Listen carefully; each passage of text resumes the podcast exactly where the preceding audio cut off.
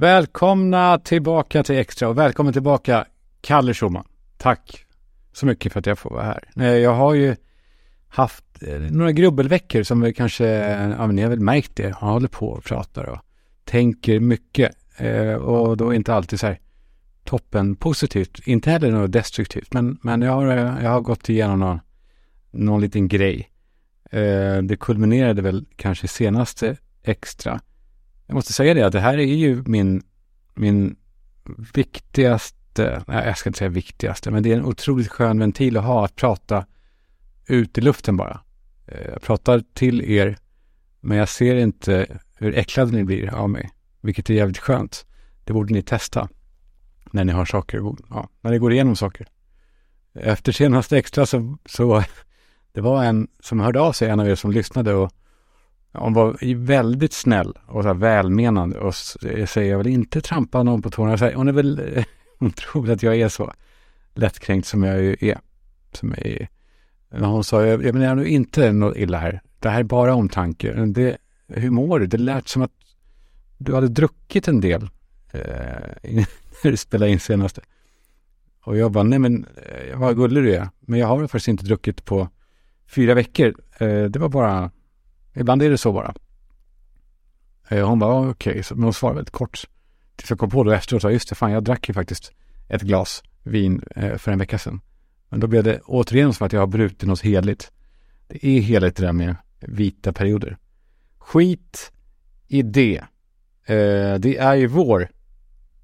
Nu får jag en sån här, sån här ton som man inte ska ha, särskilt inte jag i, i en sån här podd. Men det är vår ute. Och eh, Ja, men det, man vet ju att det är vår när alla som är liksom dyngförkylda går runt och säger att det är pollen. De är de, egentligen, de borde bara stanna hemma för att de är superförkylda. Eh, ett virus som gör att de blir snoriga och rinniga i näsan. De bara, det är pollen. Ja, det är så mycket pollen. Det, det är något med det här pollen. Och så håller de på att droppa sina termer om gråbo och björk. Och jag, jag vet inte, jag, jag, jag köper inte. Det är någonting med det där men jag köper inte. Jag ser inte en enda knopp på ett enda träd. Jag kan inte, jag kan inte tro på att det är någon pollen. Det är så, det är så jävla mycket scener om, om det här och det, det blir mer och mer dramatiskt. Har ni tänkt på det? För varje år så blir det liksom som att det är rekordår varje år med pollen.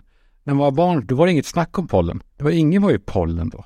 Var pollen. Det är roligt det där med att, att man är saker. Som att, som att man är laktos och man är gluten. Jag är gluten och nej, jag, är, jag är pollen, ja.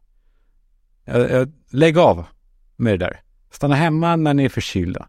Och snacka inte om pollen. Det blir, det är liksom pojken och vargen som är tjejer i klassen som sa att de hade mens varenda, liksom, tre gånger i månaden sa de det på gympan. Nej men jag har mens.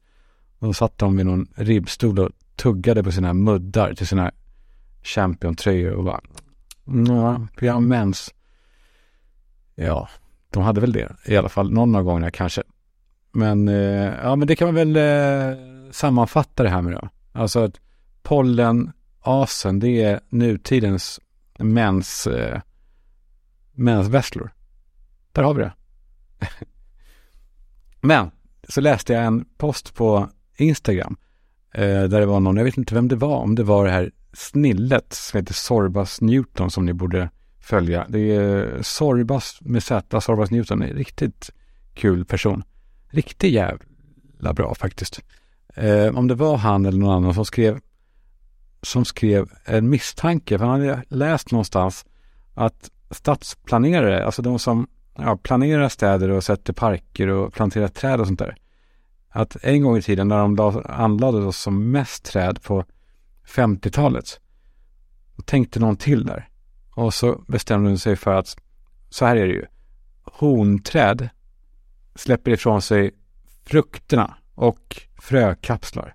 Och hanträd släpper ifrån sig pollen. Så om vi då planterar bara hanträd, då slipper vi att städarna, soparna, de slipper då plocka upp frukter och, och kapslar och skit. För det här pollen är i alla fall eh, typ osynligt ju. Så då satte man då alltså bara hanträd som, ja men det är väl lite grann som med oss människor, att det, det är väl då eh, sperma. Och vilket jävla ord det är ändå, sperma. Det är, ett, eh, det är inte så mysigt. Eh, och samma sak är det för med, med träden då, att de här pollen, det är, det är deras ja, sperma då. Och honträden, det är barnet och liksom, frukten av det goda ägget och barnet. Det är ett, ja, det, ja, ni, ni fattar. Och jag tyckte att det lät som en så jävla vettig förklaring ändå, eh, på något sätt. Det var någonting, så här, det otroligt. Eh, vilken spaning, tänkte jag. Och så började jag forska i det där och försökte eh, skaffa bevis på att det var så, för att jag skulle berätta om det kanske här för er i vår lilla eh, extraklubb. Men så bara såklart, men som i allting bra, så var nej, nej, nej, faktiskt inte. Det, då, då är det här snubben i klassen liksom som bara, nej, det är faktiskt inte så. Tyvärr så pajas den storyn för att då de här vanligaste pollenträden, om det nu finns pollen, det är, det är björk och, och så. Och de har inga kön, just björkar och ja, de vanligaste. Eh, så att, ehm, ja, ibland så, ja men det blir som med det här, som med det här eh, typiska känslan av att men jag skiter i om det inte är sant. Det är för jävligt ändå. Hur kan Stockholms stad göra så här och plantera pollenträd med flit? Eh, det är för jävligt. Nej, ja, de har inte gjort det, men det spelar ingen roll. Det är för jävligt ändå. Samma sak, jag läste också en sån här, fastnade vid en sån här, eh, en sån här tankeväckande eh, Instagram-post. Du vet, när det bara är ett citat, typ, om hur man borde leva sitt liv. Och det tycker jag är så jävla härligt, för att ibland så är det ju rätt, är det rätt. Och så här, fan, det här ska jag tänka på mer. Och ibland så är det underhållande. Det här var, så här luktade rätt, så här var kul, kul att se. Då stod det så här, det stod så här, en, en, eh, en haj kommer inte eh, växa mer än 30 centimeter om man har den i ett akvarium. Och samma haj, den växer till 3 meter om den skulle finnas i havet. Det här står på engelska, jag översätter nu här eh, fritt. Så hajen kommer aldrig växa ur miljön som den befinner sig i.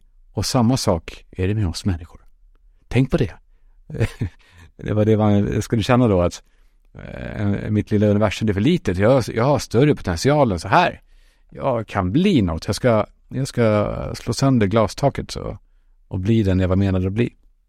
Ja, kolla upp det också såklart. Nej, nej, det är inte så tyvärr. Nej, det är, det är, det är en myt. Uh, hajen dör.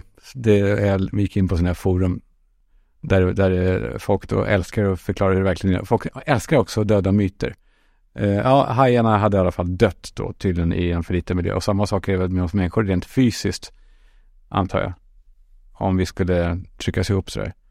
Och vi människor som är tilltryckta rent andligt, vi dör ju i alla fall inte.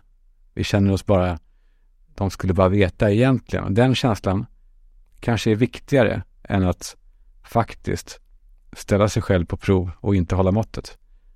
Den här känslan av att gå runt med en oskrapad lott i fickan.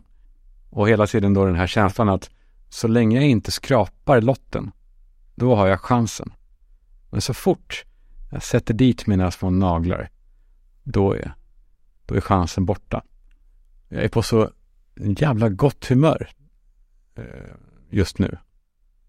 Jag tror att jag är inne på eh, en, ny härlig, härlig, nej, fan vad outhärdligt att prata så överhuvudtaget. Nej, men jag känner, jag känner att det är, det är gött ändå.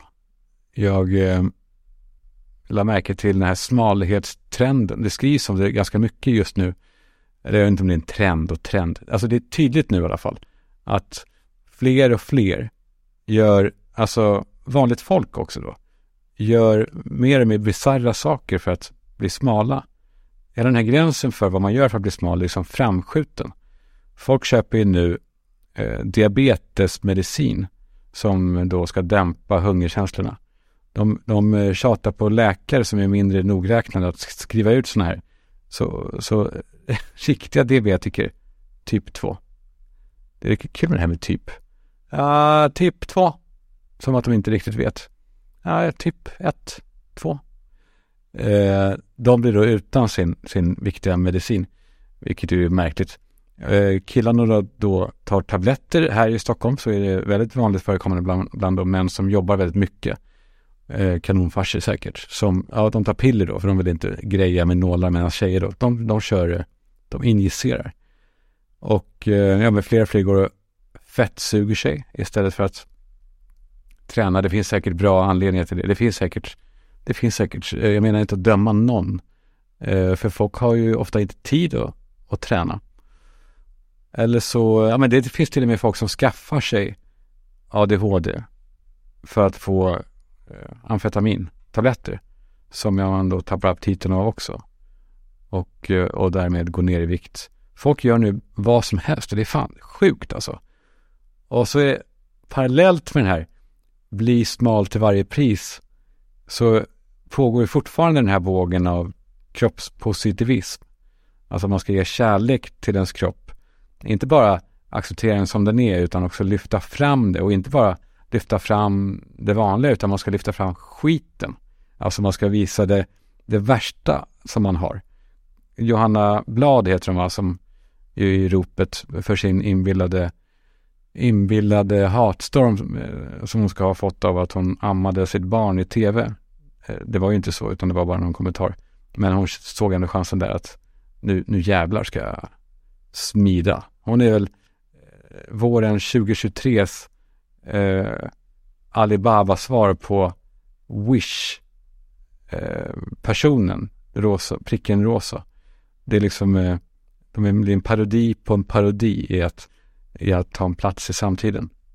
Hur som helst, hon, hon eh, gå in på hennes eh, Instagram, det är intressant att se henne, för att hon, hon inte bara säger det är okej okay att se ut så här och visar någon, liksom, kanske valk eller hur man, då, hur man då ser ut. Utan hon visar liksom, eh, hon du vet, skrynklar ihop eh, huden så att det ska bli extra, extra liksom, eh, ja, anses vara fult. Jag får inte säga att det är fult. Och det är så här, kolla här då, kolla, kolla här då, kolla här, kolla här då, kolla mitt bajs då. Jag, jag, ska, jag ska bajsa här. det är liksom så här, yay jag vet. Jag tror att alla vet att alla ser ut. Det är bra tycker jag i grunden att man, att man visar såklart, särskilt då yngre tjejer, att, att så här ser folk ut. Men jag tror kanske att vår generation, jag tror att vi är samma, vi, vi som är här i Extra, jag tror att vår generation, är, det är för sent med det. Vi är fakt. Vi kommer alltid hata våra kroppar ändå. Och vi kommer alltid stirra på den här, vi kommer alltid stirra på den här skiten som vi har som vi inte är nöjda med. Jag har ju massor. Och ni också, men jag ska inte, jag ska inte äventyra mig med att trycka upp det i en kameralins och visa er. Också för att det är, varför det liksom? Eh, vi är nog, eh, vi blir förstörda vi av våran uppväxt. Vi blir förstörda på ganska många sätt när man tänker efter. Till exempel alltså sexuellt tror jag att vi är, jag på att säga fakt, eh, vi är eh, superskadade tror jag av aidsen som kom. Alltså hela min barndom i alla fall, från att jag var typ, eller visste vad sex var, eh, från, som, eh, som treåring, nej, som, vad, vad är man då? Tio när man, när man börjar fatta att det händer någonting. Då var, pratades det bara om aids och att man blir sjuk. Man blir dödssjuk. Man dör om man ligger. Ja, bögarna först såklart. Men också vi andra. Det, det, det där tror jag satte spår som nog inte är helt borta. Aids-traumat. Men eh, nu tjejerna som, ja nu ska de, tjejers mål. Ni är många tjejer som lyssnar, ni får gärna höra av er och, och säga till om jag har rätt eller om ni står utanför och ovanför det här. Men min spaning är att tjejer, de vill vara så smala att alla andra tjejer ska snacka skit om en. Alltså när, när man hör ett rykte om sig själv som har gått vägen runt och säger ja men Emma hon är fan sjukt smal, det är typ äckligt. När man hör sånt om sig själv då vet man att man, att man, att man har lyckats. jag, jag läste den här stenåldersdieten. Ni känner ju säkert till det. För mig är det ganska nytt i alla fall vad, den, vad det innebär. Alltså det är en, det är en eh, diet som väldigt många går på och man tolkar den väl lite som man vill, verkar det som. Men utgångspunkten är att man, det man äter, det ska också ha ätits, kunnat äta, ätits av stenåldersmänniskor. Det ska då vara oprocessad mat. Och eh, det blev ett jävla liv nyligen om Gwyneth Paltrow eh, som, jag har svårt för hennes namn, alltså eh, Gwyneth, Gwyneth Paltrow. Eh, för hon är då, hon kör stenhårt på stenåldersdieten. Gwyneth Paltrow. Det, hon, det, hon har ju något alltså. När jag var, när jag var 20 år så jobbade jag i en videobutik på Hornstull. Och jag var faktiskt, jag var kär i henne. Och inte bara så här, jag, hon var lite härlig, utan jag var kär i henne. Jag fick så här eh, ökad puls och små svettningar och sånt där när jag, när jag såg en film med henne. Jag var helt, eh, jag, jag satte på mig parfym när jag tittade på film med henne. Det var, ja, det var otroligt. Det var som verkligen en febrig period. Och eh, ja, i den här butiken eh, så lånade jag hem då varenda film med henne. Och eh, så kom Talented Mr Ripley. Det här var då eh, vid millennieskiftet typ. Och eh, den var ju superpopulär. Alla ville hyra den. Det var ju då, om man hyrde film, det vet ni väl? Ja, det gör ni. Alla ville hyra den och eh, jag kunde då inte låna hem den efter jobbet för att den var hela tiden uthyrd. Eh, så det gick liksom dag efter dag och jag blev mer och mer febrig. Och, eh, och så kom en kund en dag och sa att det var dålig bild, att den var skadad kassetten. Och jag såg min chans här. Och kom på mig själv, men fan jag borde ha gjort det själv. Jag borde ha sabbat den lite så att kunna ta hem den. Men jag sa då till min chef Eh, att ja, det här har hänt, den här eh, till den skadade. Han sa, men okej bra, lägg den åt sidan. Så ska vi eh, rapportera in det imorgon. Och den tog jag då med mig hem. Och eh, när jag såg, eh, ja, men det slog i alla fall nu när jag såg det här klippet där hon berättar om sin stenåldersdiet att det känns som att jag tittar på ett ex. Som att vi var ihop en gång. Och jag var så här, men jag, nu har jag kommit över den, jag bryr mig inte längre. Jag, ja, jag respekterar henne nu. Um, ja, det känns, kommer det alltid kännas för att jag varit ihop med henne. Och jag är också säker på att vi hade kunnat vara det. Är vi inte så lite allihopa att vi har ett djävulskt självförtroende när det kommer till kritan? Alltså, jag, jag var säker då att om jag vill, då kan jag få henne. Då kan jag ta mig dit och så bara händer det, allting bara ordnar sig och så blir vi ihop. Jag tror att det är så. Så kände jag också när jag träffade eh, Sandra faktiskt. Att det här ska jag ha och hon är ju way beyond my League. Men eh, ja, hon gick på den till slut. Men det är någonting med Gwyneth som andra tjejer hatar henne. Apropå snacka skit om, när tjejer snackar skit om varandra. Många tjejer snackar skit om Gwyneth Paltrow. Cameron Diaz är lite samma sak. Killar tycker att hon är helt otrolig. Eller var då, nu är hon väl 55 år eller något. Eh, det är inget fel med att vara gammal. Men eh, killar bara älskar Cameron Diaz och tjejer bara hatar henne. Det var som att hon var, tjejerna var sotis på henne på något sätt. Tjejer vad fan ska man säga nu? Det handlar om att tjejer vet att killar gillar henne på ett lite liksom, smutsigt. Inte smutsigt, men att, att, att de, de blir lite tysta och konstiga när hon hamnar i rutan. Och tjejerna vet också att hon är en sån som skulle kunna ha en affär med en upptagen kille. Sen, sen är det ju kanske liksom orimligt då. Alltså även om deras pojkvän heter Örjan och bor i Vänersborg så var tjejer svartsjuka på något sätt på Cameron Diaz. Du ska inte gilla henne, hon är bara, hon är bara ful, hon är bara äcklig, hon är, man ser på henne, ser du falska ögon. Jag vet inte om jag sitter här och pratar för mig själv, ja det gör jag ju, men om det bara var så för mig när jag var yngre med ihop med några tjejer som tyckte att jag var tyst och konstig när Cameron Diaz kom i bild. jag, nej jag tror fan inte, jag, jag, jag vågar påstå att Cameron Diaz har orsakat tusen, tusen i alla fall, svenska relationsbråk. Alltså svartsjukebråk. eh, men eh, ja, just det. Fan, jag var, vi pratade om stenåldersdieten. Och eh, Gwyneth blev intervju intervjuad om sina matvanor. Och så blev det ett jävla liv då för att det inte var helt sunt. Vi, jag sätter på den här och så pratar vi igen efter. I eat dinner early in the evening. I do a nice intermittent fast. I usually eat something about 12. Mm-hmm. Um, and in the morning, I'll have some things that won't spike my blood sugar, right? So I, I have coffee, but I really like soup for lunch. Um, I have bone broth for lunch a lot of the days. Try to do one hour of movement. Then I get in the sauna. I dry brush and I get in the sauna. So I do my infrared sauna for 30 minutes. And then for dinner, I try to eat, you know, according to paleo. So lots of vegetables. It's really important for me to support my detox. Alltså hon, eh, det var inte mycket. Det var kaffe till frukost, träning till lunch och benbuljong. Och jag bara undrar huruvida de verkligen åt det på stenåldern eller drack det. Så jag tänker att jag läser upp receptet, det går snabbt, och så lägger jag på några så här lämpliga eh, stenåldersljud så man kommer in i det och ser om det är rimligt eller inte.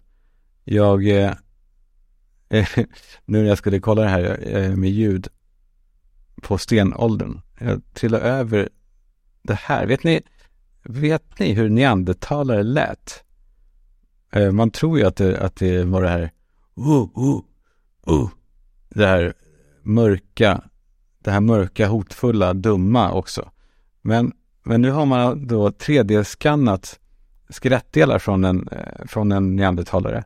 Bland annat då eh, strupen och då kan man då se tydligen enligt de här forskarna då exakt hur struphuvudet såg ut och, och stämbanden. Och så gjorde man en exakt bild av hur, hur de låter, hur de lät. Och så här lät då en neandertalare. Kanske att han lät så här just innan han utan medgivande eh, då våldtog en människa. För de levde ändå parallellt. Det måste varit en spännande tid. Men eh, skit i det. Eh, så här lät alltså en neandertalare. Ah!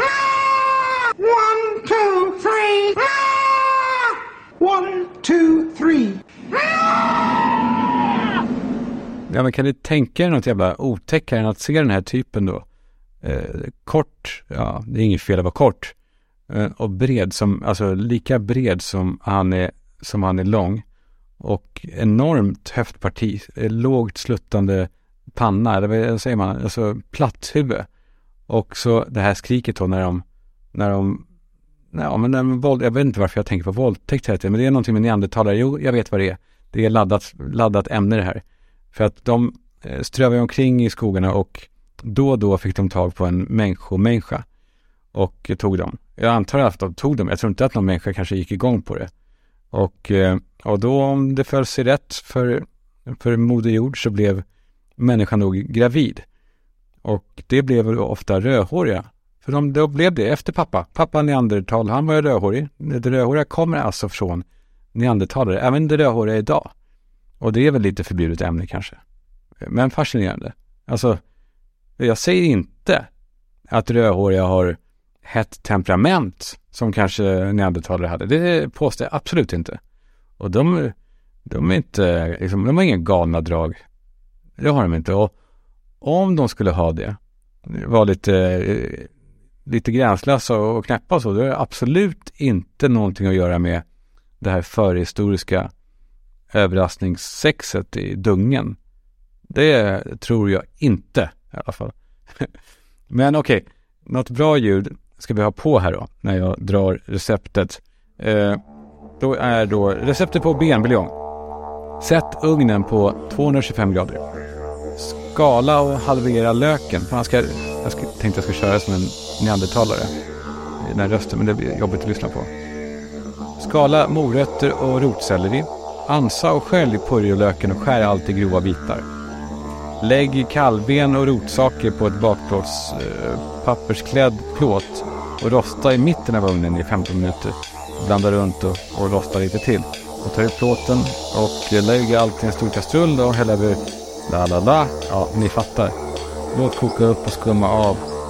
Tillsätt timjan, lagerblad och, och låt den här buljongen då sjuda på svag värme utan lock tills det återstår tre liter. Och sen silar du buljongen genom en finmaskig sil, inte någon sån här stenålderssil utan en väldigt finmaskig sil. Och smaka av med lite salt med lillfingret sådär som, som de gjorde. Och eh, nej men det är väl så, fan den här stenåldersdieten det är väl kanske det dummaste av allt va. Att, att hävda någon sorts nytt nyttighetsaspekt för att de åt det då. För att, alltså, de, de åt ju inte det för det första då. Men men de som gjorde det, de blev i alla fall aldrig mer än 40 år då.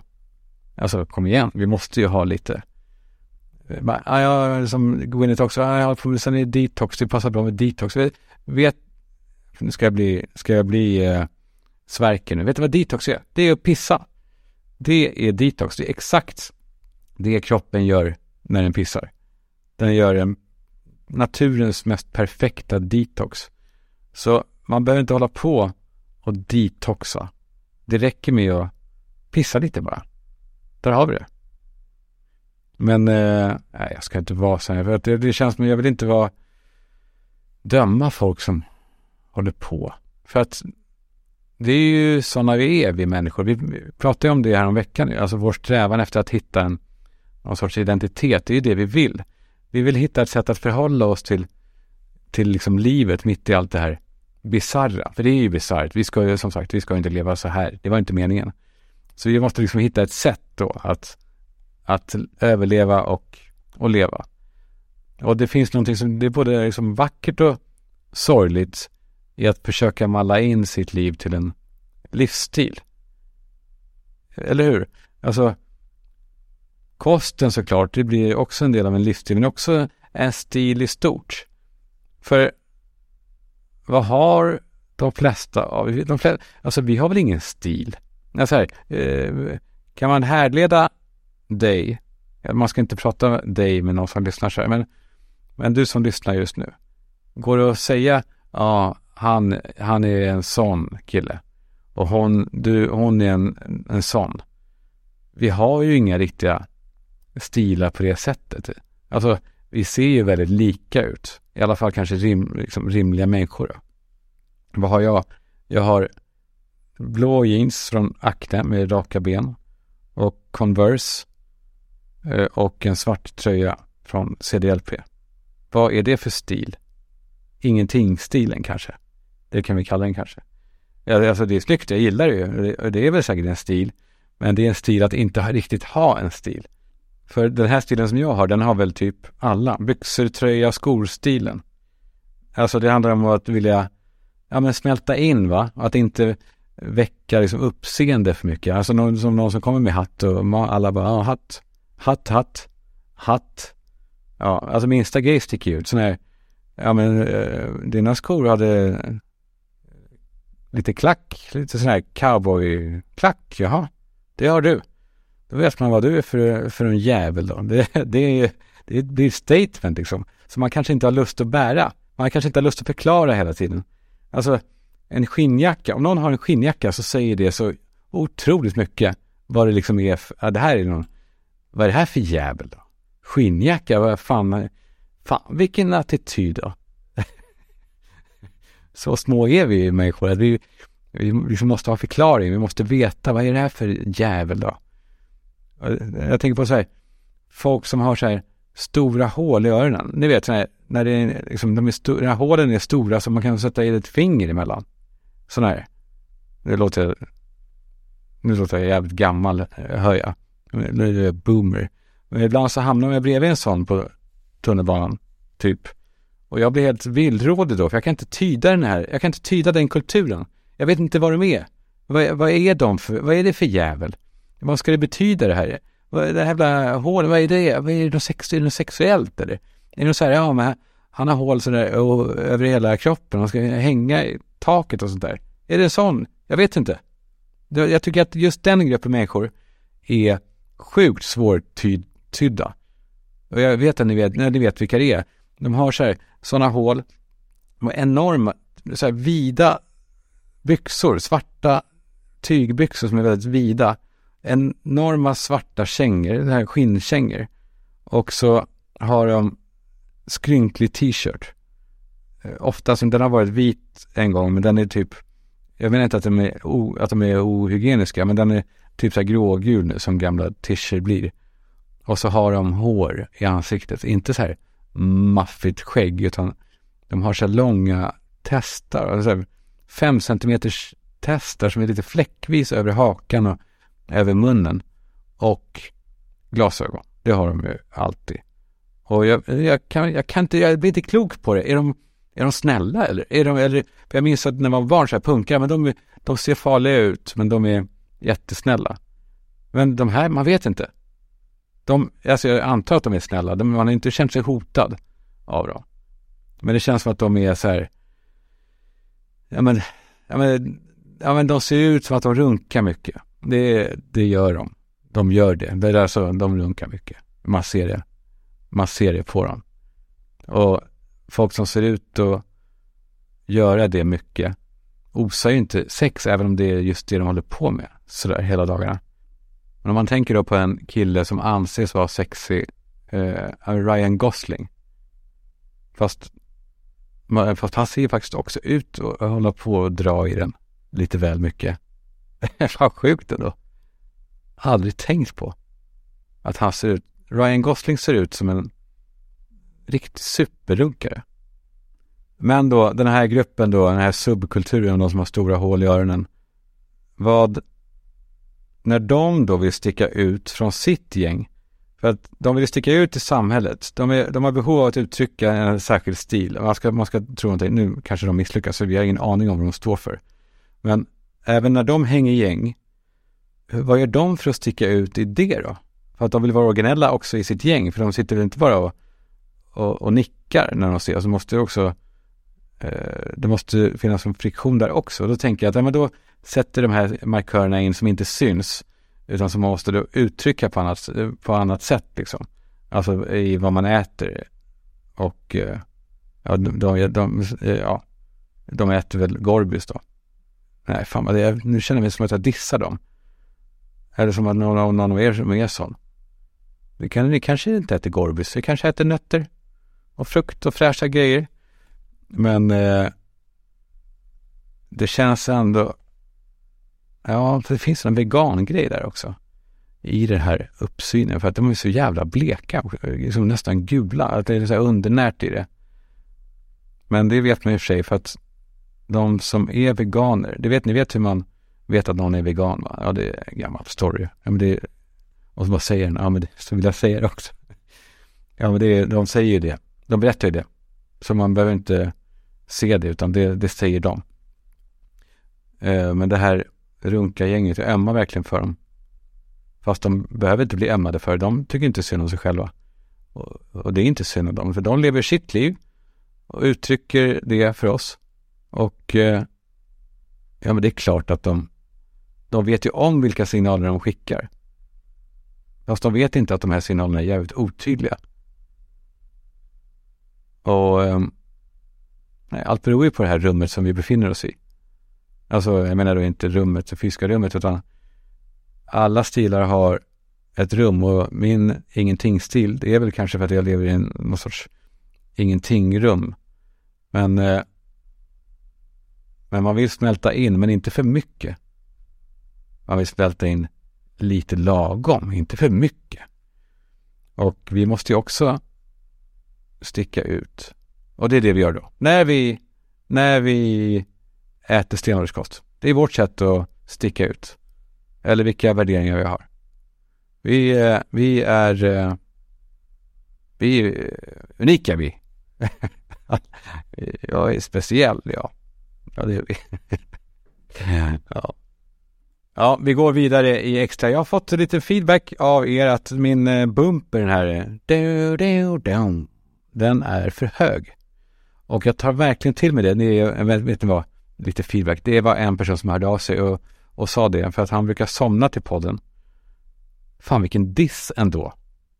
Uh, nu när jag tänker efter. Du är din jävel. Somnade podden och har mage om att jag ska sänka volymen. Stäng av podden i så fall.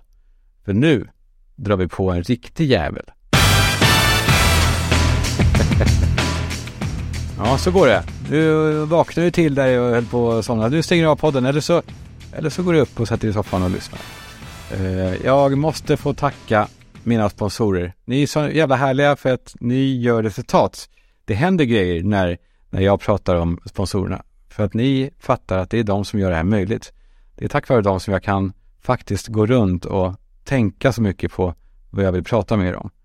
Eh, tack bokadirekt.se, tummelplatsen för alla oss som älskar skönhet och hälsa. Och, och vi gillar också marknadsplatser för det på nätet. För hos Boka Direkt så finns ju nästan alla Sveriges salonger. Och jag ringde Fricke som är vd för att fråga om det var något särskilt han ville att jag skulle ta upp idag. Och han sa så här, Kalle, eh, läs upp följande stycke till tonerna av Sibelius Finlandia. Och eh, ja, jag gör som Fricke säger. Så då kör vi. Boka Direkt är tålmodig och god. Boka Direkt är inte stridslysten, inte skrytsam och inte uppblåst. Boka Direkt är inte utmanande, inte självisk. Boka Direkt bryr sig inte upp och vill ingen något ont. Boka Direkt finner inte glädje i orätten men gläds med sanningen. Allt bär Boka Direkt. Allt tror Boka Direkt. Allt hoppas Boka Direkt. Allt uthärdar Boka Direkt. Och nu består tro, hopp, kärlek och Boka Direkt. Dessa fyra och störst av dem är Boka Direkt. Tack Boka Direkt! Och tack vid nikotinpåsarna för de som är... Eh, för de... Eh, fan, vet ni vad ibland? Alltså vissa saker behöver man inte hålla på och tjata om. Alltså hålla på så här, hitta argument. Åh, köp mig, jag är bra, jag är bra. Alltså det räcker om jag berättar att nikotinpåsar från vid får en Alltså som man om och om igen och när man inte tror att det är nog, då Alltså man jävla natten och bara och sen kommer den igen och ska köra en gång till och man bara åh nej, inte en gång till. Så man bara ah! Och sen eh, ska jag tillägga att om du inte använder nikotin nu så börja inte och var alltid över 25 år oavsett. Tack vid! Och tack Söderberg och Partners och ja, tack för att ni finns. Det här menar jag nu på riktigt alltså. Jag åkte på ett litet skarpt läge i slutet av förra veckan det kom fram att jag hade lite högt blodtryck och jag var tvungen att snabbt få koll på det. Så jag ringde då till numret som jag har fått av Söderberg Partners till min sjukvårdsförsäkring. Och eh, ja, vännerna de svarar på en gång. Här har du en tid hos specialist, alltså dagen efter. Och inte bara det. Min pensionsförsäkring, den är, den bara står och gottar sig där och myser och jäser tills jag är, tills jag eh, är, är klar. Och det känns vuxet att ha koll på de här delarna. Så att om ni har bolag, låt Söderberg Partners lösa allt åt er. Så kan ni göra det som ni är bra på. Och så gör de det de är bra på. För när det kommer till pensionsförsäkring och, och alla typer av sådana försäkringar, då, är, då ska man inte lära pappa att uh, uh, göra familj. Utan då eh, pratar man med Söderberg Partners. Top notch. Tack Söderberg Partners.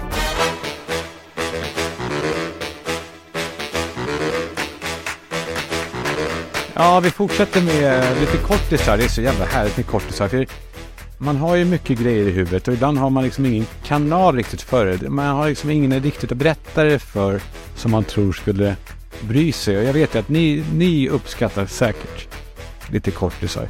Det kan ju vara liksom saker eller tankar eller vad, vad det nu är. Som, ja men ni kan också ha det till mig. För ibland så behöver man ibland bara uttrycka det för att det ska försvinna. Ibland kan det vara liksom tvångstankar typ. Så man, man bara måste bara prata om det. För innan man har gjort det så bara tänker man på det hela tiden. Som till exempel en manetjävel som jag har läst om nu. Som den heter Irukanji, en manet. Och eh, alltså, det är ingen kattskitsmanet det här. Ni måste lyssna på det här. Alltså, det är ju alla djur har ju olika superhjälteegenskaper. De kan gömma sig. Eller Vissa flyger tyst och vissa gömmer sig bland pinnar jättebra. Den här har det också, eh, fast den har en attackegenskap som är, ja men det är, det är alltså någon sorts boss bland djuren. Den är inte dödlig alls, men blir man stungen av en eh, irukanji så händer det lite olika grejer. Eh, man kräks varannan minut i 12 timmar och det är ju egentligen, det är ingen fara. Det, är, alltså, det var inte det, så ni ska inte tro så här, jaha, var det bara det? Nej, det var det inte. Det kommer mer. Man får liksom jättemycket huvudvärk. Men det var inte det heller. Det finns mer. Och man får andnöd. Och, nej, fortfarande finns det mer. De här tre är i och för sig ganska jobbiga i sig. Men Irukanji har tre grejer till i sin arsenal som verkligen ställer till det. Jag gör det till en topplista Topp eh, eh top tre-lista. Super extra vapen som Irukanji har, nummer tre. Eh, man får extrema smärtor när man rör sig och man får också kramper så att man rör sig hela tiden oavbrutet. Ja, det är inte så dumt. Ganska bra vapen ändå. Plats nummer två, superextra vapen. Irukanji aktiverar någon form av substanser som sätter igång hjärnan att producera livliga undergångstankar. Alltså, man blir alltså övertygad om att jorden ska gå under tack vare det här att man hade blivit stungen av en Irukanji-manet. Och, ja, det är ganska bra ju. Men det finns en ännu värre grej som den gör. Super extra vapen nummer ett. Irukanji får sina offer att vilja ta livet av sig. Alltså, inte bara på grund av att de har alla de här symptomen här som jag redan pratat om, utan också liksom enskilt. Man vill dö, man vill inte leva längre. Man ser ingen, ingen anledning till att finnas till. Så att de som har då blivit stungna av, heter det stungen av en manet, ja, de, de ber i regel sina läkare om att kan du bara avsluta det här nu? Eh, för att jag vill inte leva mer. Kan du göra det åt mig? För de kan inte göra det själva nämligen. Jag skrattar nu, det är fan inte kul. Men de kan ju inte, för de, de spyr, de skriker av smärta, de har enorm huvudvärk och de har krampattacker och de får ingen luft. Och, och, och eh, så att de har ont i huvudet också. Och eh, ja, ja, Irukanji, well played. Det där var inte dumt. Vi fortsätter med kortisar. Eh, jag nämnde det innan tvångstankar, för jag har skrivit upp det här nämligen, för jag vill ha ut skiten. För att vissa saker lämnar den inte i fred. Och det är så här meningslöst, alltså bara Eh, ballast, heter det det? Man, man har ballast. Det stod så i kalanka Dumpa ballasten från flyget eller någonting. Jag fattar aldrig vad ballast är. Det är i alla fall, det är någonting som tar plats i mitt huvud. Jag har sådana här tankar bara som jag går och tänker på ganska ofta. Att jag har på mig slalomskidor i min mormors kök och ska göra ett lappkast. Jag vet inte om jag har pratat om det ens. Det försvinner aldrig hur många gånger jag säger det. Jag ska göra ett lappkast bakom köksbordet. Eh, med de här slalomskidorna på. Ett lappkast. Jag vet inte vad det är så jävla dumt. Och någon gång, det kommer aldrig upphöra innan jag gör det. Och jag kommer inte kunna göra det. För att mormor är död. Och där de bodde, mormor och morfar, där är det en moské nu. Och ringer jag på där med liksom eh, slalomskidor och eh, stolar och bord från henne som jag på något sjukt sätt fått tag på att ställa in där i moskén så kommer de då kommer de eh, kanske bränna, bränna mig. Som de gör. Det gör de inte alls det. De är snälla. Jag skämtar. Men eh, om ni har sådana här saker så hör av er. De kanske försvinner, min gör inte det. Okej, två andra saker bara som jag måste bolla upp. Två saker jag stör på som jag egentligen borde göra någon plusgrej på men det finns liksom ingen att slå mot. Men perforering, ni vet perforering som det är på flingpaket och all möjlig skit. Det funkar aldrig. Det har aldrig gått. Det finns inte en enda perforering som fungerar. Och så står det så här, dra, öppna mig per, perforeringen. Som att det är mig också, eh, så jävla äckligt. Och så gör man det och så bara dras det av och pappen, det går alltid av åt fel håll så att det, liksom, det är inte det man drar av som man ska slänga sen. Det är inte det som går sönder utan, utan det går av på själva paketet så man kan inte stänga kalaspuffarna. För det bara står och flärpar där. Och så fortsätter det bara, den jävla skiten med perforeringar år efter år. För vet ni vad, jag tror inte att det är någon som säger till. Jag kanske ska ta tag i det här. Jag kanske ska höra av mig till de jävlarna. Och, och få stopp på den perforering. Ja. Ja, bra. Ah, ute. Sorry om jag verkar upprörd. Och den andra saken. Bipacksedel. Jag tänker också lite för mycket på bipacksedlar av olika sort. Det finns flera anledningar till att jag tänker på det. Det ena är ordet. Eh, bipacksedel. Vad är det? Vad är, vad är de? Hade mamma sagt. Vad är det om bipacksedel?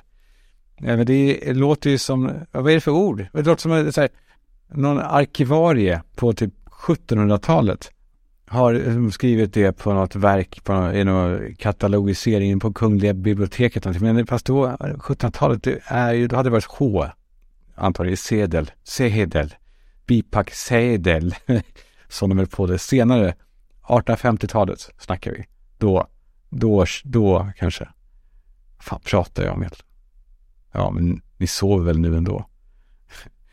På engelska i alla fall, om ni vill veta det, så är bipacksedel Patient Information Leaflets, vilket ju är väldigt mycket mer rimligt.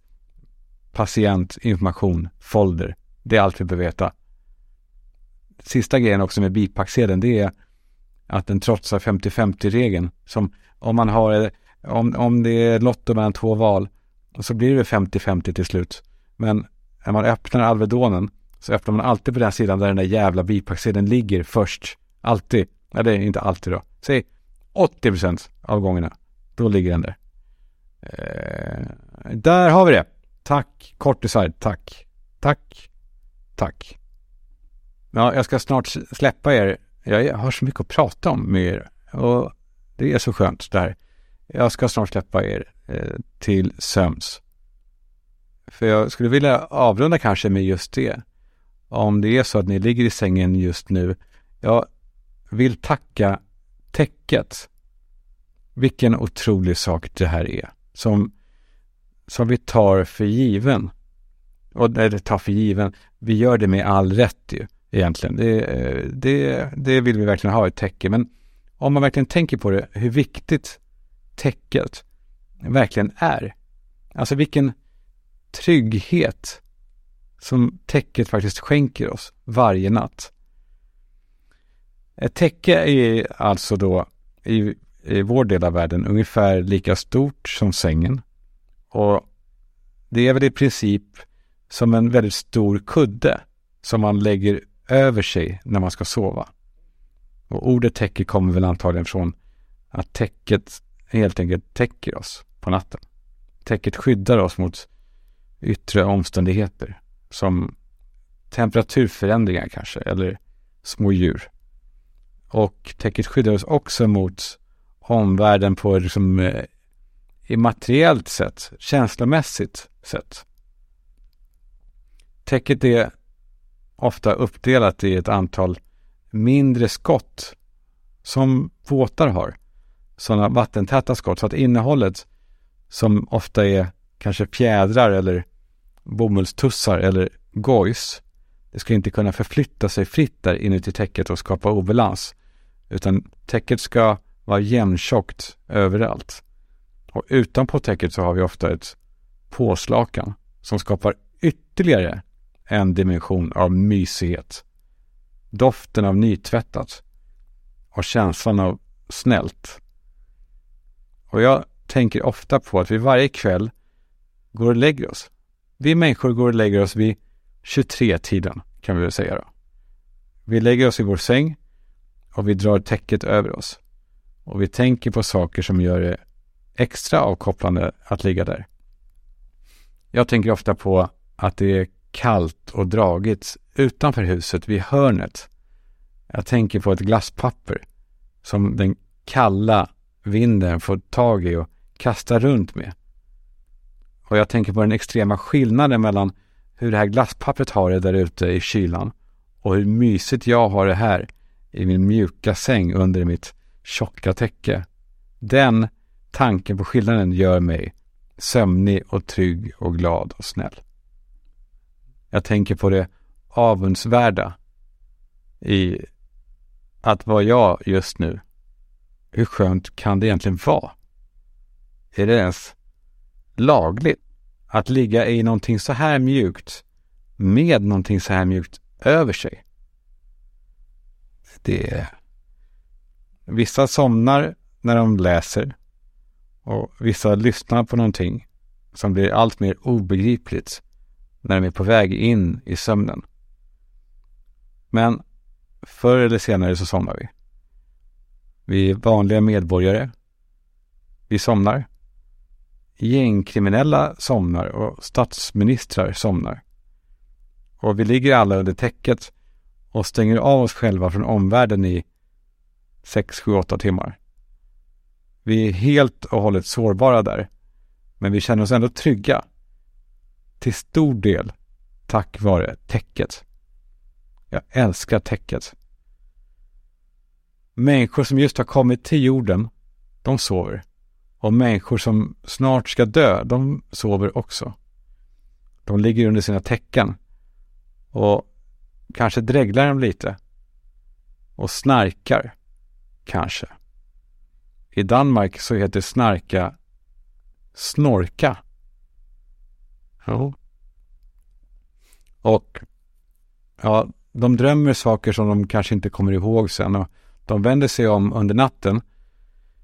Men jag kan tänka mig att en främmande civilisation som kommer hit på besök, de skulle beskriva det som att människorna behöver varje natt lägga sig väldigt mjukt och ha något ännu mjukare över sig.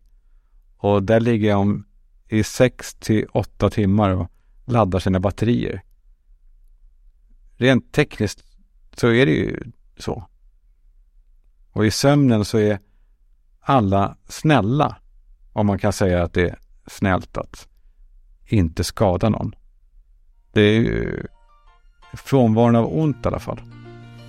Och sen vaknar de på morgonen och de kommer på vilka de är och vad de har att göra under dagen och så går de ut i livet och så gör de det. Och där ute på gatorna, där ses vi. Och vi får ögonkontakt och ibland så ler vi och idag så nickar vi. Och om man tänker på det så, så blir världen mycket snällare. Det är härligt. Tack för att ni är med. Vi hörs på torsdag.